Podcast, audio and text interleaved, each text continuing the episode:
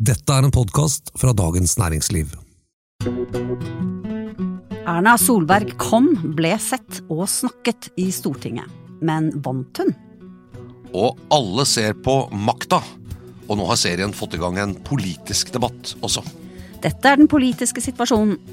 En podkast fra Dagens Næringsliv med kommentator Eva Grinde og meg, politisk redaktør Fridtjof Jacobsen.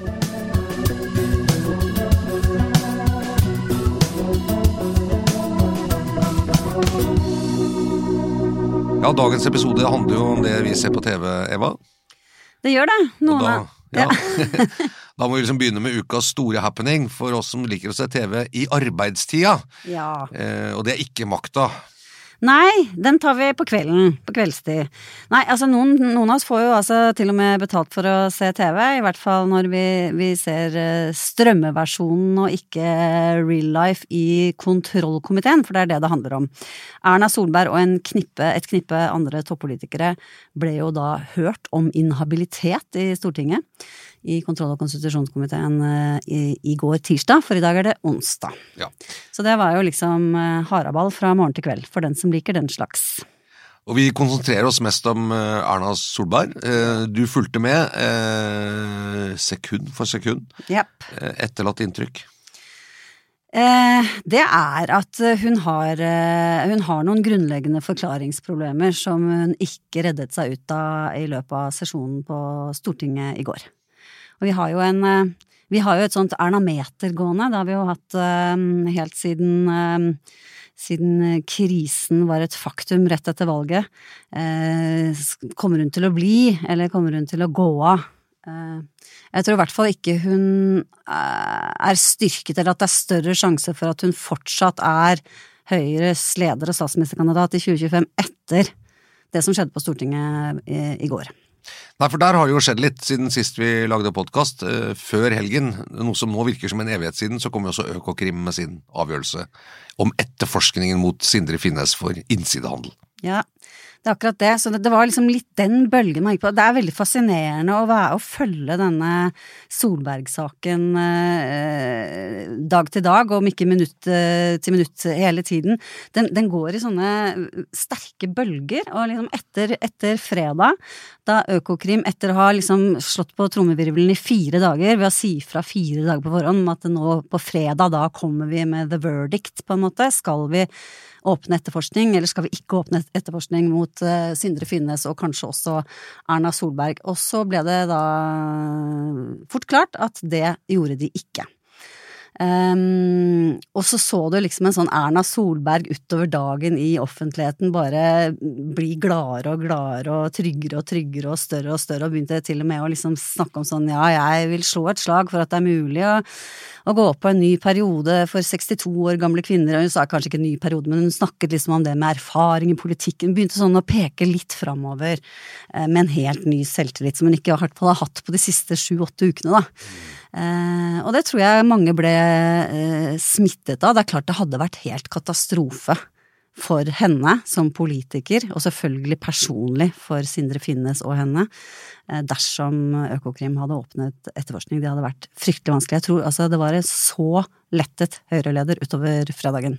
Ja. Og så hadde jeg en sånn følelse av at det Eller en stund så hadde jeg en sånn følelse av at det kom til å påvirke stemningen i kontroll- og konstitusjonskomiteen. At liksom noe av lufta var tatt ut av den ballongen, og at det, Men det er klart at det er jo, som, det, som, har vært, som har vært et faktum hele tiden, de to tingene er to forskjellige ting. For det Økokrim så på, var jo mulighet for innsidehandel, ikke sant. Har det foregått innsidehandel? Har Sindre Finnes handlet aksjer på informasjon han ikke skulle ha, og som andre ikke hadde? Eh, har Erna Solberg vært lemfeldig med, med informasjon og latt det lekke til han? Um, det var jo det Økokrim skulle se på, og der argumenterte de godt for, syns jeg, at, eh, at, det er det ikke noe grunn til å tro. Der, der har de jo liksom sånne parametere å gå etter for å se etter om det er sannsynlig at det har foregått uh, innsidehandel. Men det man skulle se på i Stortinget, det handlet jo om noe annet, nemlig Erna Solbergs habilitet når hun har foretatt politiske beslutninger. Og det, de to tingene er jo, selv om de henger sammen, så er det to forskjellige ting. Og det politiske sporet eh, det er et annet enn det, enn det, enn det juridiske og krim, krimsporet, da. Selv om krimsporet hadde helt klart hatt politiske implikasjoner, sant? Mm. Ja, og Økokrim var jo eh, De var jo veldig klare med at det er ingen indikasjoner, ingen holdepunkter, ingenting som tyder på at det har foregått noe som kan minne om innsidehandel. Altså, vi, vi, grunnen til at vi etterforsker, er ikke at det, at det liksom er vanskelig å få tak i bevis, eller at det sånn som vi snakket om dette med, med Mette Yvonne Larsen sist, med selvinkriminering og ektefelle og sånn, det er rett og slett at vi finner ingen holdepunkter i virkeligheten for at det er noe, uh, noen, noen, spor eller noe som kan minne om det. Uh, så, ja, så, beslutningen var jo ganske sånn den var godt grunnlag, og det var, det var, jo, ikke, det var jo ikke egentlig litt som i Anniken Huitfeldt-saken, man fikk anelse om at dette kunne være litt problematisk, sånn politisk eller noe sånt, men her bare sa de vi har sett på dette veldig grundig, vi finner ingenting som legitimerer etterforskning. Ja, eh, og det tror jeg var lurt, ikke sant, fordi at de, man, man, snakket jo om det på forhånd, at her blir det, kommer de til å vise til eh, at det, her, at det her er vanskelig med beviser fordi at uh, man ikke kan gå inn uh, på kjøkkenbordet til folk og høre hva de snakket om, ikke sant, sånn som de delvis begrunnet uh, det at de ikke tok ut etterforskning mot Huitfeldt, eller om om dette demokratiargumentet ikke sant, med Ola Borten Moe, hvor, hvor, de til og med gikk sånn og sa det at dette her er viktig for å, for å holde oppe tilliten til demokratiet. Men, men, sånn at de kjørte veldig saklig på etter liksom eh, kriterier som handelsfrekvens, handelsvolum, tjente han noe penger, eh, ikke sant, Sammenfalt i nærhet med, med, hendelser som påvirket kurs, og liksom han slo ikke inn på noen av de parameterne. Det kom jo fram også at han, han hadde jo tjent oppsiktsvekkende dårlig på dette. Ja. Faktisk. Så det, der, det som var oppe sist, bare før unna det med liksom, er det forskjell, likhet for loven eller likhet for, for påtalemyndighet osv., så, videre, så så som jeg leste Økokrims begrunnelse, sa de at uh, det er ikke rimelig å begynne noe etterforskning basert på fakta i saken, ikke for Sindre Finnes, Erna Solberg eller noen andre som har hatt de samme faktaene. Altså Det er rett og slett det er ikke deres posisjon, det er faktaene i saken og det vi har klart å finne som avgjorde. Mm. Eh, da, det da har de kanskje lært litt av den kritikken de har fått underveis her, muligens, med hvordan de har begrunnet de andre. Ja, kanskje det. Det var i hvert fall en solid begrunnelse. Ja. Ja. Eh, jeg bare så i, et, uh, i sidespeilet her at kona til Ola Borten Moe, hun syns dette Med den begrunnelsen som da lå, så la vel hun ut en post på Facebook med hashtag fuck Økokrim. Eh, så hun syns kanskje at dette er mer tegn på at han, hennes ektefelle var urettferdig behandlet da, i denne saken. Eh, og det kan man jo ha en viss forståelse for når man eh, ser på det. Men, men. Det får nå være opp til dem. Tilbake til høringen om inhabilitet. Ja. Litt utradisjonell, den derre fuck Økokrim, altså bare selve formen på det hele, men Friskt. Frisk, vil jeg si. ja. Men, men, egentlig oppsummerte jo, som mange lurer på, hvorfor ble, blir han etterforsket når hun ikke ble det og Huitfeldt ikke ble det. Mm. Altså, jeg, jeg, kan jo forstå det.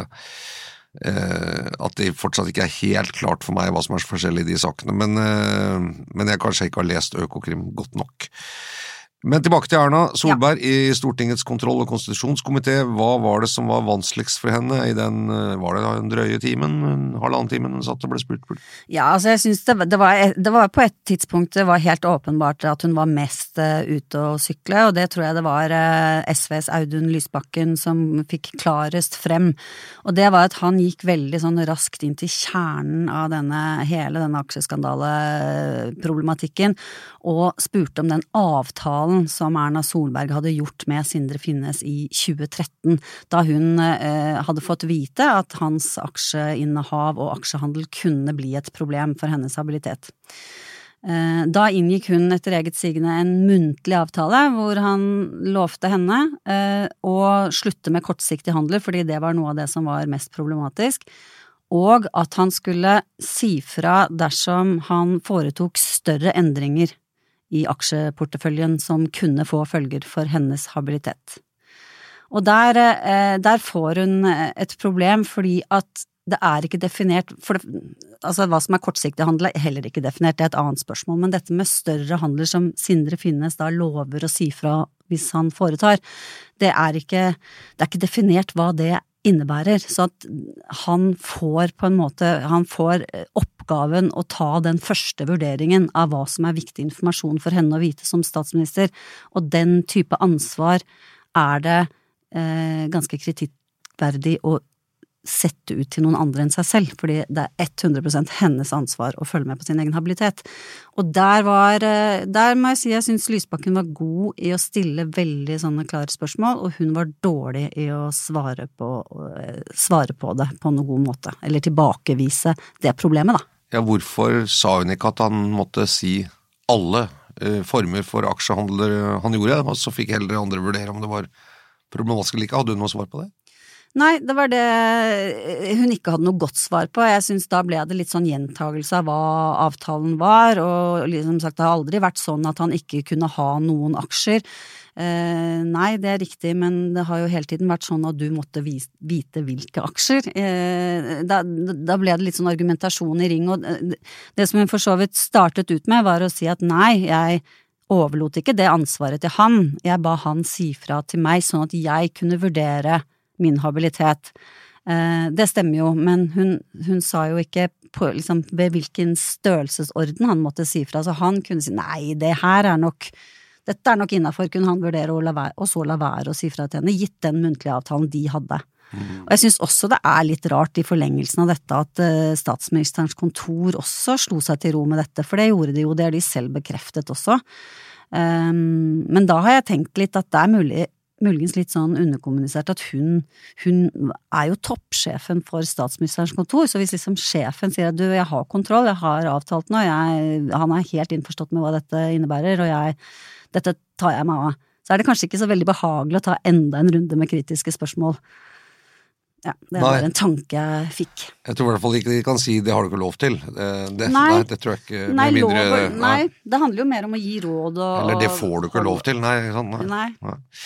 Hva var lettest for henne i denne utspørringen, da? Mm. For henne så virker jo alt uh, det virker jo som hun syns det meste er lett, da, bortsett fra dette her som jeg syns hun sleit litt med. Uh, hun, hun, er jo, det er jo ganske fascinerende hvordan hun holder fast på sin, uh, sin forklaring, og dette hovedargumentet med at ja, jeg kunne ha etterspurt mer informasjon hvis jeg hadde mistrodd min mann. Altså, men jeg, sånn som jeg ser på et ekteskap, så er det sånn at da stoler man på hverandre. Sånn at uh, hun, hun, har jo vært veldig konsistent, uh, syns jeg, gjennom hele Det er i hvert fall én ting med hennes forklaringer, hva man skal si, da. Sånn, uh, den har ikke forandret seg mye, det har den ikke, men den har fortsatt de samme problemene. Jeg ble lurt. Jeg ble lurt. Jeg har tilgitt, vi går videre. Og ja jeg vil ha tilgivelse, på en måte. Ja, og at dette er ikke politisk i det hele tatt, liksom. Dette er priva, en privat, tragisk hendelse. Eh, svik og ekteskap og sånt som hører privatlivet til. Hun skjønner jo at det har fått noen konsekvenser for hennes politiske virke, men det er ikke hennes politiske håndverk som har, som har ført til noe av dette her. Det er ikke noe hun har gjort galt i det. Sant? Nei, jeg skjønner. Var det noen av utspørrerne som var eh, slemme, hadde en egen glede av å plage henne. Det kan jo, En sånn høringsdynamikk kan jo også, er jo også litt show, på en måte. Ja, ja du, hørte jo, du, hørte jo, selv, eller vi snakket litt om det, med, med Carl I. Hagen, eh, Fremskrittspartiet, som var litt utpå og fikk henne til å nærmest innrømme at eh, det har noe å si hva de andre partiene på borgerlig side mener om hennes eh, om tilliten til henne, da. Om, om, de ønsker henne som statsministerkandidat for borgerlig side i 2025. Ja, det var litt interessant. Eh, og bare sånn litt med det Det er jo eh, Man kan jo av og til si at, sant, at, de borgerlige tenderer jo mot å være litt snillere mot sine. Eh, mens man må regne med at de hardeste angrepene og de tøffeste på en måte verbale konfrontasjonene kommer fra mm. venstresiden. Og både Seher Aydar fra Rødt og og Lan eh, Marie Berg fra MDG var jo ganske pågående, vil jeg si. Det, og det skulle i hvert fall se ut for meg som om Solberg ble litt irritert. Eh, sånn, men, men, hvordan var tonen fra sånn som Venstre, komité, komitéleder Grunde Almeland, KrF, Høyre ja, og, og Carl I. Hagen, da. Hvordan, var den tonen? Hvor, hvor, fordømmende var de? Hvordan kunne du lese noe inn i det? Ja, altså, jeg tenker at, um, tenker at uh, Høyre utmerket seg med å stille vennlige spørsmål. Mm. Uh, altså litt åpne, der, der, svaret kunne komme henne vel så mye til gode. Hvis ikke jeg husker feil, så var for eksempel et Kom det noe nytt ut av de medieoppslagene nærmest ikke sant, de der som hun har sagt gang på gang at det kom ikke noe nytt ut. Altså, altså sånn Fikk hun sagt det? Nei, det var det de ikke gjorde. Altså litt sånn. Men ellers så tenker jeg at eh, Grunde Almeland for eksempel har jo, har jo flagget det veldig høyt hele veien her, at han syns det er viktig å ikke tenke partipolitikk, og at dette her er liksom Han, tar, han er jo leder for denne, han er jo saksordfører i denne saken. Eh, og han var, eh, han var skarp og, og, klar og stilte oppfølgingsspørsmål. Det var ikke noe sånn det var ikke noe, Du fikk ikke noen følelse av at hans spørsmål handlet om å få henne til å si de tingene hun hadde lyst til å si, hvis du skjønner hva jeg mener. Nei. Og det samme gjelder eh, Fremskrittspartiet, var jo også der Um, fremste, altså Carl I. Hagen vel også, gjentok vel også dette med at hvordan ville dette vært hvis du var statsminister, ikke sant, noe som er uh, noe som både som venstresiden i større grad uh, kom til, men som også Frp tok, ikke sant, som det momentet med at du hadde jo måttet, altså implisitt undertekst, hadde du vært statsminister så hadde du måttet gå, hvis dette hadde kommet fram da du var statsminister. Ja. Jeg merket sånn meg litt posthum, med, posthum ja, ja. mistillit. Jo, jo, men, men, eh, det er jo i og for seg det som skal kontrolleres der. Da. Det, er, det er jo liksom i kraft av å være statsminister dette ble alvorlig. Det er jo det.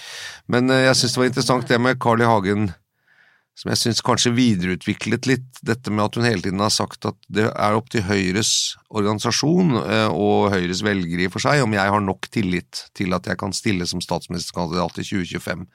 Den tilliten må liksom andre avgjøre enn meg. Eh, men jeg syns Carl I. Hagen prøvde på en måte å etablere en litt ny tillitssituasjon der, som sa at du må jo ikke bare ha tillit fra Høyre og Høyres organisasjon, men må du ikke også ha tillit fra de borgerlige partiene, dvs. Si Venstre, KrF og Fremskrittspartiet, da, som jeg er vant til å tenke på det. At de også kan ha en mening om hvorvidt du er den som er den, eh, har nok tillit til å være en lederfigur eller statsministerkandidat for borgerlig side, som det er åpenbart at en Høyre-leder vil være i i valget i 2025. Og, og, og jeg syns også jeg hørte at Carl I. Hagen hang litt fast i det etterpå, og jeg er litt spent på hans neste skritt, om han nå ønsker å ta dette videre inn i Fremskrittspartiet på en måte, f.eks. i stortingsgruppen, og at de skal uttrykke en eller annen mening om mm. eh, Erna Solbergs egnethet som en mulig borgerlig statsministerkandidat, eller om det skal komme fram til en eller annen form for ultimatum hvor de sier at vi kan ikke stille oss en bak en regjering der hun er statsministerkandidat eller sånn. Og grunnen til dette er at du vet at Carl I. Hagen han eh, har jo i sin politiske historie alltid vært ganske glad i å, å synliggjøre FrPs maktposisjon på borgerlig side, nemlig for eksempel ved valget i 2000 dette med Vi støtter ikke en regjering vi selv ikke er en del av, og, og, og det kan vi bare glemme. altså Hvis ikke vi er med i regjering, så blir det ikke noen borgerlig regjering. Han har jo kastet en borgerlig statsminister en gang, eh, i 80, Willoch i 85. Eh, og, og, det er Eller 86, var det kanskje. Og, og, og det, er, det, er, et eller annet med det som jeg tenker dette her ville jeg vært litt var på hvis det hadde vært Høyre. Hvis det kommer i Frp et slags, at dette blir et slags sånn ultimatum som etter hvert kommer frem og roter inn i valgkampen i, inn i 2025. Men det er litt sånn uhørt eh, at andre partier ikke sant? Sånn generelt så er jo det Hun svarte jo først det, Erna Solberg, sa det at det, det er ingen andre enn Høyre som velger Høyres leder. Eh, og det å stille et sånt eh, ultimatum up front, det hadde vært ganske uvanlig. Det hadde vært hvert fall, Men det er, jo, det er jo innenfor mulighetsrommet i politikk. Det er ja, det. I hvert fall i Frp, kanskje. Hvis jeg husker riktig i valget i 2005, da, da var jo ikke det så realistisk. Men, men, da tror jeg også er Carl I. Hagen og Frp var jo bare sånn Kjell Magne Bondevik eh, gikk jo da, stilte jo til gjenvalg som statsminister. Og de sa det, eh, det, vi kommer aldri til å stemme for noen regjering der Kjell Magne Bondevik er statsminister. ikke sant? Mm. Det kan man bare glemme. Mm. Eh, og det gjorde jo at det var et helt urealistisk regjeringsalternativ han prøvde å gå til valg på, noe tror jeg velgerne fikk med seg.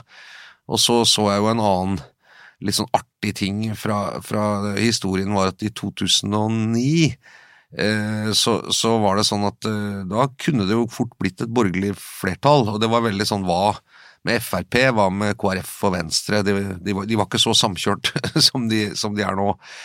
Og da var det et sånt berømt bilde som ble tatt inne på Stortinget, jeg vet ikke om du husker det, det var, det jobba i VG, det var i VG dette sto med at, med at uh, Lars Bonheim og Dagfinn Høybråten, som da var leder i Venstre og, og KrF henholdsvis, utropte og sa 'vår statsministerkandidat er Erna', og så ble det tatt et bilde hvor hun sto oppå et bord inne i Eidsvollsgalleriet oppe ved, i Stortinget, litt verdig rom, og så sto de under, og så så det ut som 'her er trepartiregjeringen', og så så Carl I. Hagen dette og kom gående forbi, da, da var han ikke leder riktignok, og så sa Fremskrittspartiet dette her vil vi aldri støtte, ikke sant? dette er en helt urealistisk regjering osv. Og, så og så ble det borgerlig kaos på en måte da i oppkjøringa der sånn. Er det der det borgerlige kaoset startet? Bo, nei, borgerlig kaos, det, det, har det vært lenge. Det, det var det for eksempel valget 2005 og, og med Frp og sånn. men men jeg bare syns det var litt interessant, bare komme til kjernen, at Carl I. Hagen på en måte Neste skritt kan jo bli at Frp skal ha en eller annen mening om Erna Solberg, som vi sier ikke som Høyre-leder, men som statsministerkandidat på mm. borgerlig side. og det det kan bli krevende. Men hvor mye, hvor mye påvirkning har liksom Carl I. Hagen inn i den Fremskrittspartigruppa nå? Altså, man blir jo nesten litt forundret. Ser han som aktiv politiker i det hele tatt? Nei, det, det er litt uh, uvisst, men han er, en, altså, han er, jo en, politisk rev, ikke sant? Han er jo uh, og kan jo dette godt, og jeg, jeg synes det var Han hadde jo åpenbart en plan med å gå dit. Eh, om han gjør dette helt på egen hånd, eller om det er en stemning i gruppa, eller om det er noe at Frp ønsker å demonstrere sin viktighet ved å si at vi kan faktisk diktere litt hvem som skal gjøre dette her, og det vil kanskje gjøre oss mer tydelige. Det, det vil jo også være i FrPs interesse å gjøre et så godt valg som mulig, og det kan jo også handle om å, å bli mer jevnstore med Høyre. Det vil jo gi dem mer makt. Se på Senterpartiet og Arbeiderpartiet, liksom hvordan det forholdet er nå. Når Senterpartiet ble så stort, Arbeiderpartiet så lite, så flytter jo makten seg, selv om man er på samme side. Så, så det der med, det, ja, det blir spennende ja, ja, å følge litt med på. Ja, det er en, eh, det er en interessant analyse. Uh, Skjønne hvor kyniske de er, disse politikerne. Du, uh, nå har du fått det litt på avstand, i hvert fall en dag.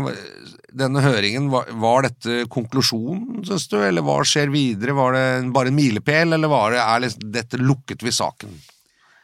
Eh, altså det, Helt konkret så er den jo ikke lukket i den forstand at nå skal jo komiteen sette seg sammen og, og, og komme fram til en konklusjon på hva, på hva de mener om, om, det, alle de svarene de har fått. Og så skal de jo eh, skrive, jeg vet ikke hva det heter, en uttalelse, eh, som da kan munne ut i eh, mer eller mindre enstemmig uh, kritikk av av de ulike statsrådene. Hvis det er Erna her, da, så, så syns jeg det hørtes ut på det, de, på det eh, representantene stilte henne spørsmål om, at her, eh, her blir det en eller annen form for kritikk. Det er jeg temmelig sikker på. Og så er spørsmålet hvor, hvor tungt veier den politisk? For at hun, den kritikken spiller jo på en måte formelt ikke noen rolle for henne. Hun eh, Eh, det kan jo heller ikke gå til, noe, til mistillit, for eksempel, fordi at hun sitter jo ikke, hun har jo ikke noen posisjon hun kan fjernes fra.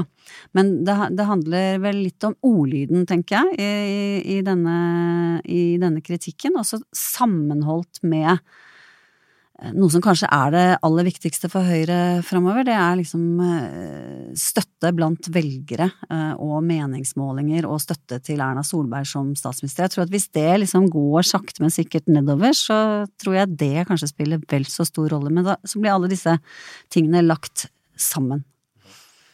Hun var jo eh, Jeg syns jo hun ganske hele tiden, også etter Økokrim-avgjørelsen sist uke, hvor hun var nøye med å si at eh, det er en alvorlig sak. Eh, hun holder eh, utgangsdøra åpen, da, syns jeg. Eh, hun minner om at den døra kan åpnes. Det syns jeg hun gjør av og til. Men så får man se hva man skal legge i det. Vi, vi, må tilbake til Erna-meteret. Hvis vi ser for oss en klokke, sånn slags sånn gammeldags ja og nei til EU-pil, da, mm -hmm. hvor tolv rett opp er 50-50, og så kan vi si at uh, hvis den går da mot uh, høyre ja, må jeg snu meg? Da blir hun sittende, og hvis den går mot venstre, så går hun av. Hvor, hvor er vi liksom på skalaen? Ja, før 2025, mener du da? Ja, før 2025. Før, ja, ja, før 2025. Ja. Ikke i morgen. ja, nei, den er eh, over 50. Over 50% sjanse for at hun går av før 2025. Ok, er vi på 60. Ok, La oss måle. La oss si at klokka ett eh, ja, klokka ett, klokka to, da, noe sånt. Nå gikk jeg veldig surr i retningen der, men hvis vi sier at når den, går, når den går med klokka, jo mer den går med klokka, jo større er muligheten. Hvor er vi? Ja, sånn klokka to?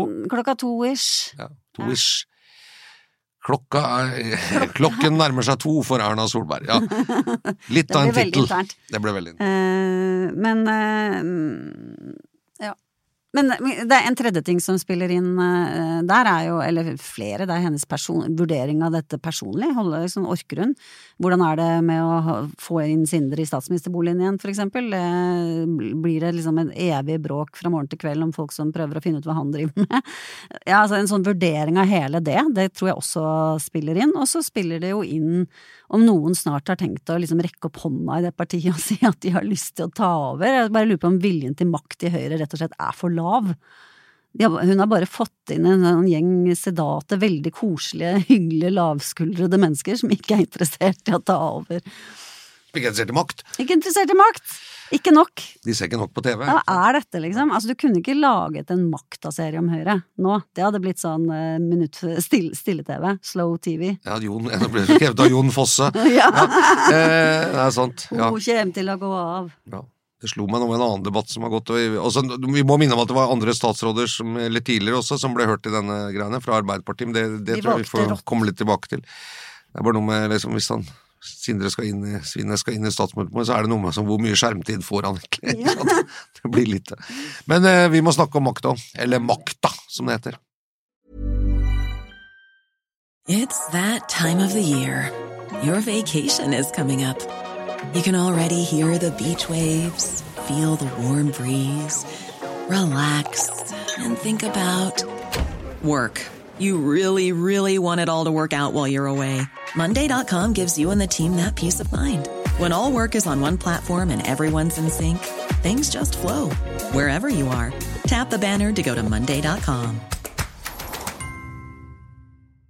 If you thought the only way to get a more defined jawline with natural looking results was through surgery, think again. Juvederm Volux XC is a non surgical injectable gel filler that improves moderate to severe loss of jawline definition and can help you achieve natural looking results with little downtime. Even better, this improved definition lasts up to one year with optimal treatment. No maintenance required. Improve jawline definition for a smooth, sculpted look with Juvederm Volux XC. For important safety information and to find a licensed specialist, visit juvederm.com. That's J U V E D E R M.com. Not for people with severe allergic reactions, allergies to lidocaine, or the proteins used in Juvederm. Common side effects include injection site redness, swelling, pain, tenderness, firmness, lumps, bumps, bruising, discoloration, or itching. There's a risk of unintentional injection into a blood vessel, which can cause vision abnormalities, blindness, stroke, temporary scabs, or scarring. Talk to a licensed specialist specialist to find out if it's right for you.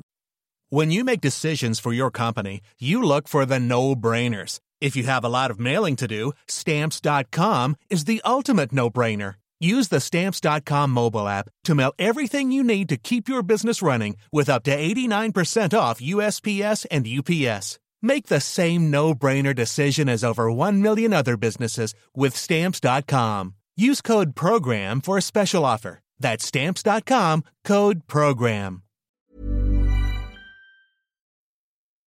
Ja, altså. Folket de sitter jo klistret i NRK for tiden for å se den dramaserien Makta. Den har jo virkelig slått gjennom. Søndag kommer fjerde episode. Men du har jo sett hele sesongen allerede. Så um, er du klar for å kaste deg inn i den store makta-debatten? Jeg er egentlig ikke det, men jeg, men jeg har kanskje ikke noe valg. For det er jo sånn at denne serien Vi skal ikke spoile, altså. Vi skal ikke spoile. Vi kan ikke det. Nei, nei, vi skal ikke spoile. Men, men, men, det er jo sånn at denne seriens uh, makt over norsk uh, meningsjournalistikk for tiden virker jo Den har til og med veldig stor innflytelse der. Mm. Uh, det er mye debatt nå. Vi er i den fasen. Først jubel, som... og nå er det kritikk og debatt og ja. problematisering. Ja. Det er veldig mange som vil snakke om hvordan, hva de føler og tenker om makta. Ja. Så, så det, er, eh, det, er, virkelig i, i alle kanaler. En annen politisk podkast oppsummerer jo hver mandag de episodene ja. de har sett. Vi vil ikke nevne navn. Nei, husker, husker ikke, Nei, husker ikke helt hva den heter, men vi skal ikke gå den i næringen. Det er mange som hører på den. Eh, og, og, det er jo makta-referanser i mange eh, politiske kommentarer og, og, sånn for tiden.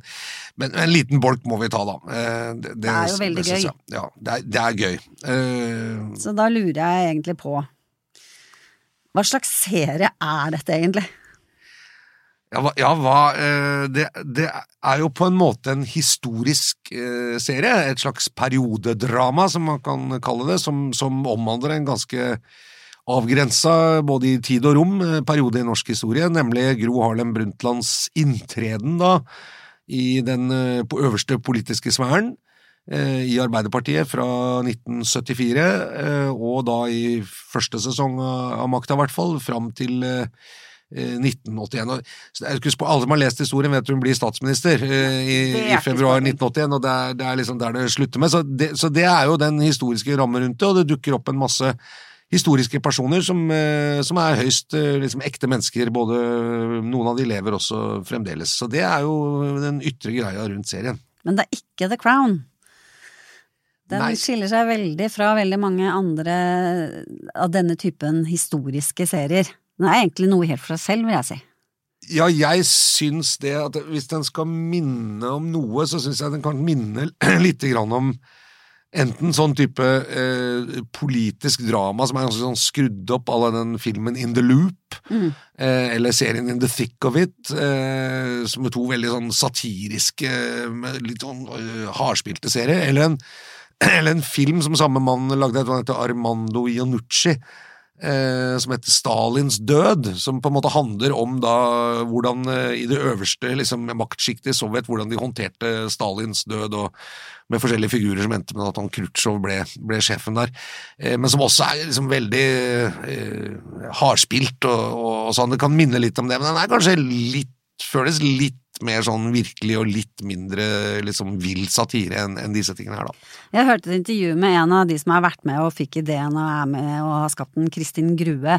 Um, og hun, hun, hun fortalte jo at det startet med at hun uh, og en venninne så denne serien Vi som skapte landet, ikke sant. Da en av episodene handler spesielt om Gro Harlem Brundtland. Og de her er vel sånn type i, midt i 30-årene eller et eller annet sånt. Altså de er i hvert fall ikke vokst opp med Gro Harlem Brundtland som aktiv politiker, da. Sånn at eh, det ble bare sånn hvem, hvem var dette? Hun er jo kjempespennende, liksom. Så det var, det var der det startet. Men så tenkte jeg at når de da har dykket ned i dette her For de fant jo ut at det er jo skrevet hver eneste person som var aktiv i politikken, har jo skrevet en bok, eh, nærmest, fra den perioden. Akkurat den perioden. Det skjedde så mye. Så, så, så tenker jeg at det, hadde de noe annet valg enn å lage satire, på en måte? Det, det, det var jo bare Nei, altså og- periode. Ja, ja, nei, ja det, det er fall, de har i hvert fall gjort det. og det, jeg synes at Nå er jo veldig mye av debatten for å komme til det sant, er jo litt sånn todelt, føler jeg. Det ene er eh, Det var ikke akkurat sånn det skjedde. Eh, men så syns jeg egentlig ikke at serien eh, prøver å si Og der er vi litt inne på The Crown. Vi, vi har sett The Crown, og det er det sikkert mange som har gjort. Så- Så er alle detaljer, all scenografi, alle kostymer, måten de snakker på, ikke sant, alt er så historisk korrekt at du glemmer litt at det er fiksjon. Du tenker dette må jo være akkurat sånn det var. Også når vi er liksom inne i folks innerste tanker og samtaler som ikke man vet noe om. Hvordan har et ektepar snakket til hverandre, hvordan kranglet prins Philip og dronning Elisabeth og, og sånn, så, så, eh, så, så tror vi liksom at dette er en helt én-til-én sånn reenactment, eller hva man skal kalle det, av, av virkeligheten. Og det prøver de på òg. Altså, det er det de vil òg, ikke sant, med, med serien. Og det minner jo kanskje litt om den filmen Kongens nei, mm. eller noen Atlantic Crossing, eh, Kon-Tiki-filmen og sånn, hvor man er så historisk korrekt i hele uttrykket at man gir inntrykk av at dette er en slags gjenskapning eller veldig tro mot virkeligheten. Mens i Makta så, så blir det jo hele tiden minnet om at uh, dette er en serie. Plutselig så er de ute i dagens Oslo, plutselig så ser du det operabygget, og det skal være liksom på 70-tallet, og, og så er det moderne musikk på en eller annen fest og så videre. Så, så de gjør jo liksom, minner deg på hele tiden, og det, det vet jeg serieskaperen har sagt, at, uh, liksom, basert på sannhet, løgn og dårlig hukommelse, som de sier, at det er vi hele tiden huske at det, det, Vi sier ikke at det var sånn det var, men, men sånn, noe sånt ish. Eh, og så lager vi drama og gøy av det. Og Einar Førde er liksom blitt han uh, en skuespiller som er med, med, tror jeg, med, ja, med bakgrunn fra et, sant, med, fra, fra et asiatisk land og, og, og, og sånn. Helt annen type. Ser, ser ut helt annet, snakker ikke hans dialekt. og så er det gøy med den kritikken sier sånn Så er det noen som sier sånn Sånn revisor. Det var ikke akkurat sånn det var. Nei. Eh, Det er mye og så er det noen som sier eh, og, men de fremstiller historien på feil måte, øh, fordi at de gjør Gro Harlem Brundtland til en helt, og det er faktisk, og de, de latterliggjør figurer, men det er jo sånn, ja, men det, det er jo drama, ting er overspilt, karakter, altså de er jo satt brukt som karakterer og sånn, så det, det er en sånn blanding av kritikken at at eh, Først så sier du at det er ikke riktig, og så sier du og ja, de skriver historien feil. For meg henger ikke den kritikken helt på greip, da. Du må liksom velge. ja. Men det som er så gøy, er jo at det blir sånn voldsomt engasjement, og jeg tenker at det, det er mange som har eh, ikke minst da blant de som liksom allerede hadde et bevisst forhold, forhold, til verden på den tiden, som husker sin egen, har sin egen versjon, ikke sant. Hvorfor blir det så, hvorfor, hvorfor, hvorfor blir det så voldsomt det engasjementet? Det, det er jo skrevet eh, mange kilometer allerede. Nei, no, noe er vel behovet for å synes. Eh, å melde seg på i noe som alle snakker om. At det er gøy å melde seg på, og for noen si 'jeg var der', og 'jeg husker ting', og 'jeg har lyst til å meddele'. og, og eh, ikke sant? Det, det, er vel en helt sånn grei del av debatten. Men det er jo også en sånn litt politisk dimensjon her. At, at noen leser det inn og sier at her hyller man en side som kanskje var da ja til EU, eh, som sto for en modernisering eller en høyredreining i Arbeiderpartiet, hvis man skal kalle det det. Og så den kampen om historien og sjelen og hvem var best, og har Arbeiderpartiet gått for langt til høyre? Gro, Gro ble jo oppfattet av veldig mange som en som tok Arbeiderpartiet til høyre, og på en måte sviktet de solide venstresideidealene. Jeg tror det, det, spiller litt ut nå også. Jeg ser eksempel Klassekampens redaktør Bjørgulf Brånen, eh, som jo er på venstresida, eh, sier at ja, det er et ensidig helteportrett av Gro, og de andre eh, som står på en måte for noe annet politisk, blir fremstilt som forfyllede idioter. ikke sant? Og Det er vel ikke så rart, liksom, altså undertekst. Det er høyrekreftene som har laget denne serien. Da. Ja, det, det, er en litt morsom debatt, men det er jo litt usaklig, men det er jo gøy, liksom. Ja, det er den, det er den uh, politiske kritiske lesningen av det. Jeg syns det er ganske interessant at en eh, ja, en type som Bjørgulf Brån, og kanskje andre, det er flere andre som, har, som, eh, som, kanskje kommer litt fra samme sted, som har sagt eh, noe av det samme, at, at, de, plutselig, eh, at de plutselig tolker den fremstillingen av, eh, av en politiker som et helte bilde. Altså, jeg tror ikke altså sånn pliktoppfyllende, flink pike fra vestkanten eh, I deres øyne så er jo ikke Jeg tror er, er jo ikke Gro Harlem Brundtland en helt, vil jeg tro. Altså den type sånn ryddepike, tante Sofie-ideal som hun fremstår som i de tre, i hvert fall i de tre første episodene. Eh, nå kan det vel hende at man får et mer realistisk bilde av henne etter hvert, at hun faktisk var en ganske dyktig eh, etter hvert ble en ganske dyktig maktpolitiker også. Men hun kommer jo inn som en sånn, eh, sånn litt sånn eh, med, med, feiekost og liksom øh, rydder opp og ordner opp og har ikke mange idealer og drømmer og den type ting, men liksom veldig pragmatisk, veldig sånn litt moralistisk, veldig Nesten litt øh, ja, veldig, veldig ordentlig, da. Og det er et litt sånn klassisk klassisk sånn bilde av eh, kvinnelige toppledere. Det er en type rolle som liksom er, som er ledig for, for, eh, kvinner som vil bli toppsjefer. Det, er, det fins det faktisk undersøkelser eh, på.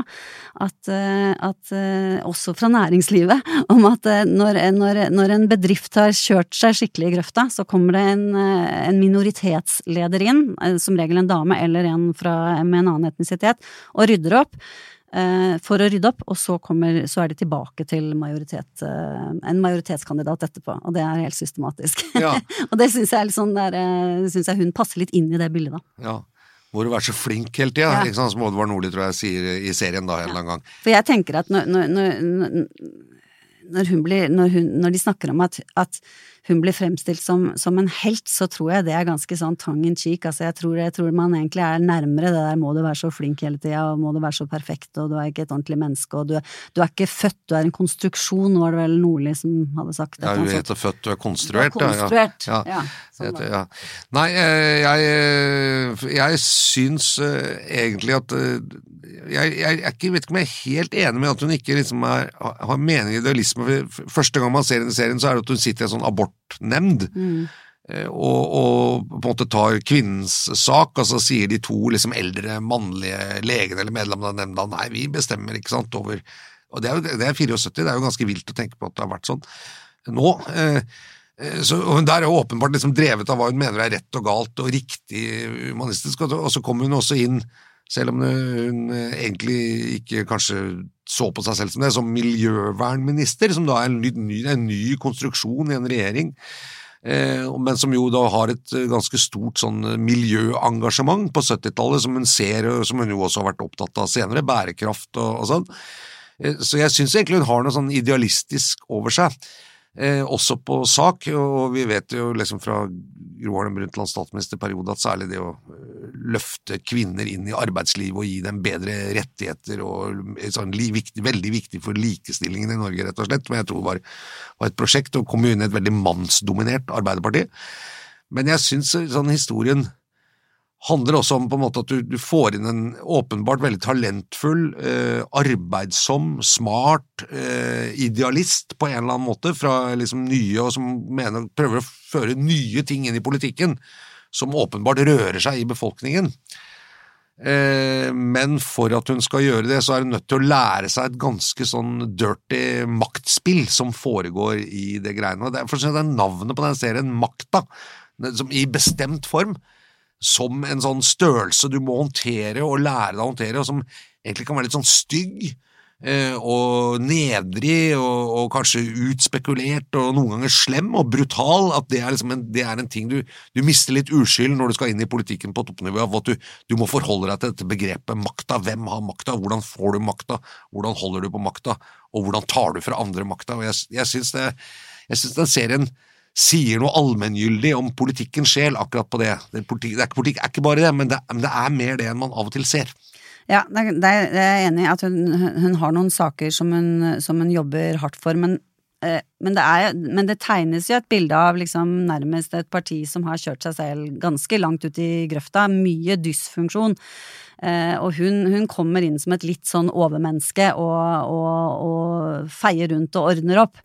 Eh, jeg bare, jeg bare, lurer på om det egentlig er et er, en, er, er, et helteportrett i, i, de, i, øynene til de som kritiserer denne serien for å være et helteportrett. Ja, sånn, ja. ja, ja.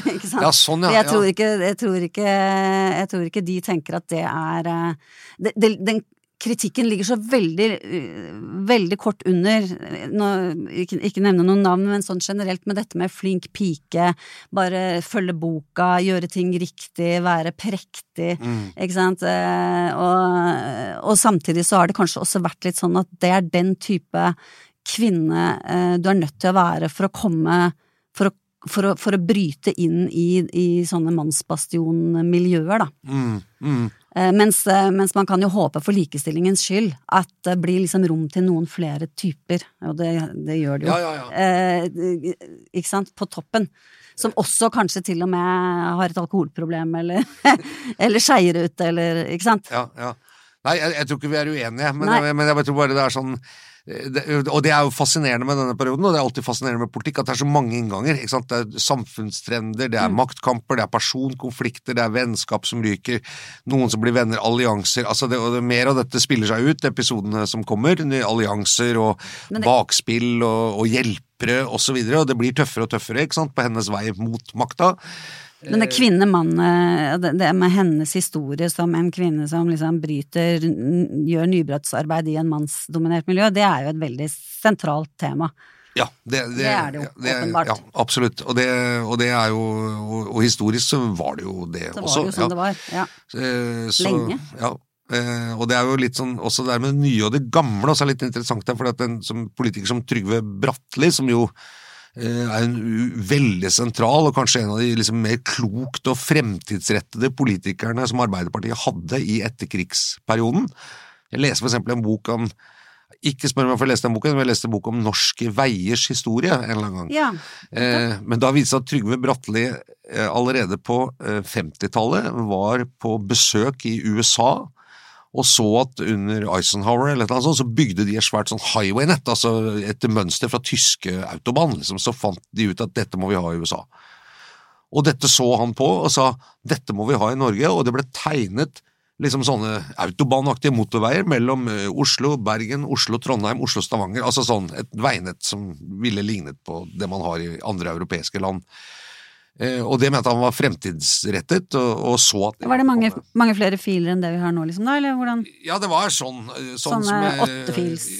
Ja, eller på den tiden kanskje mm. fire felt eller noe sånt, men, mm. men altså en, en, noe annet, mye helt annet. Det ble aldri bygd. Nei.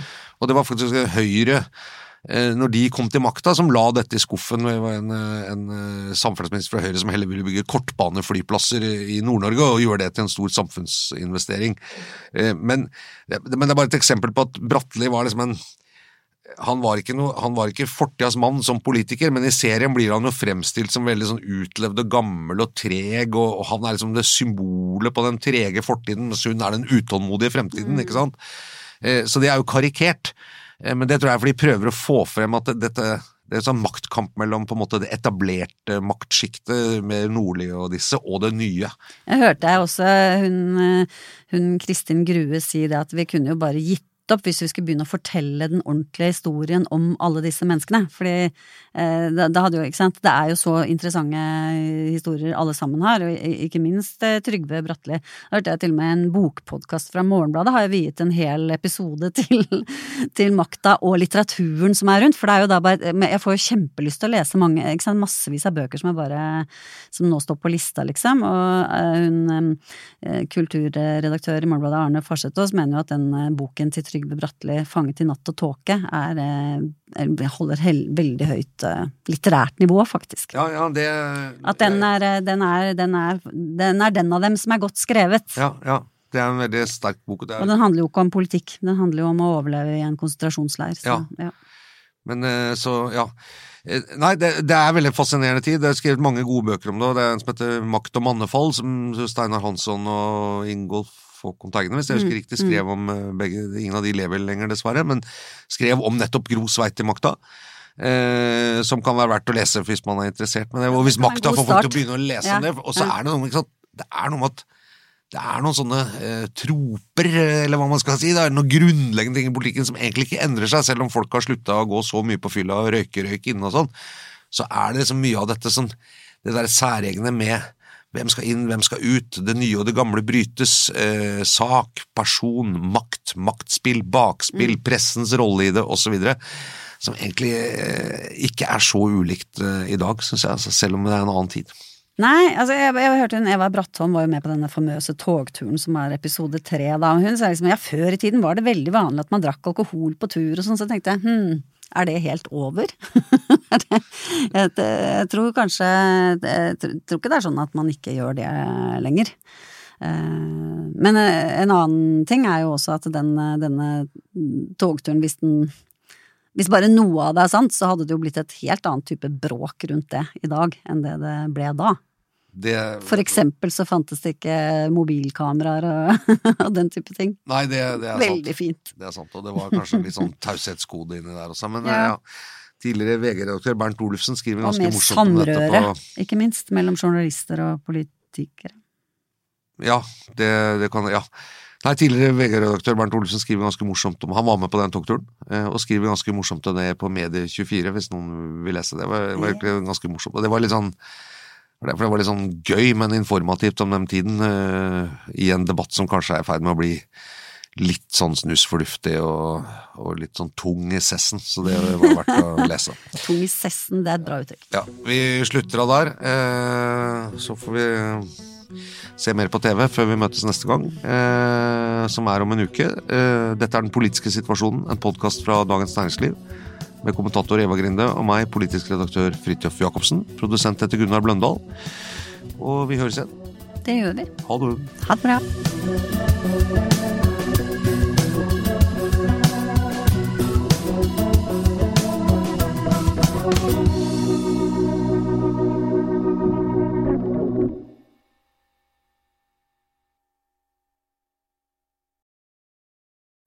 Du har nå hørt en podkast fra Dagens Næringsliv.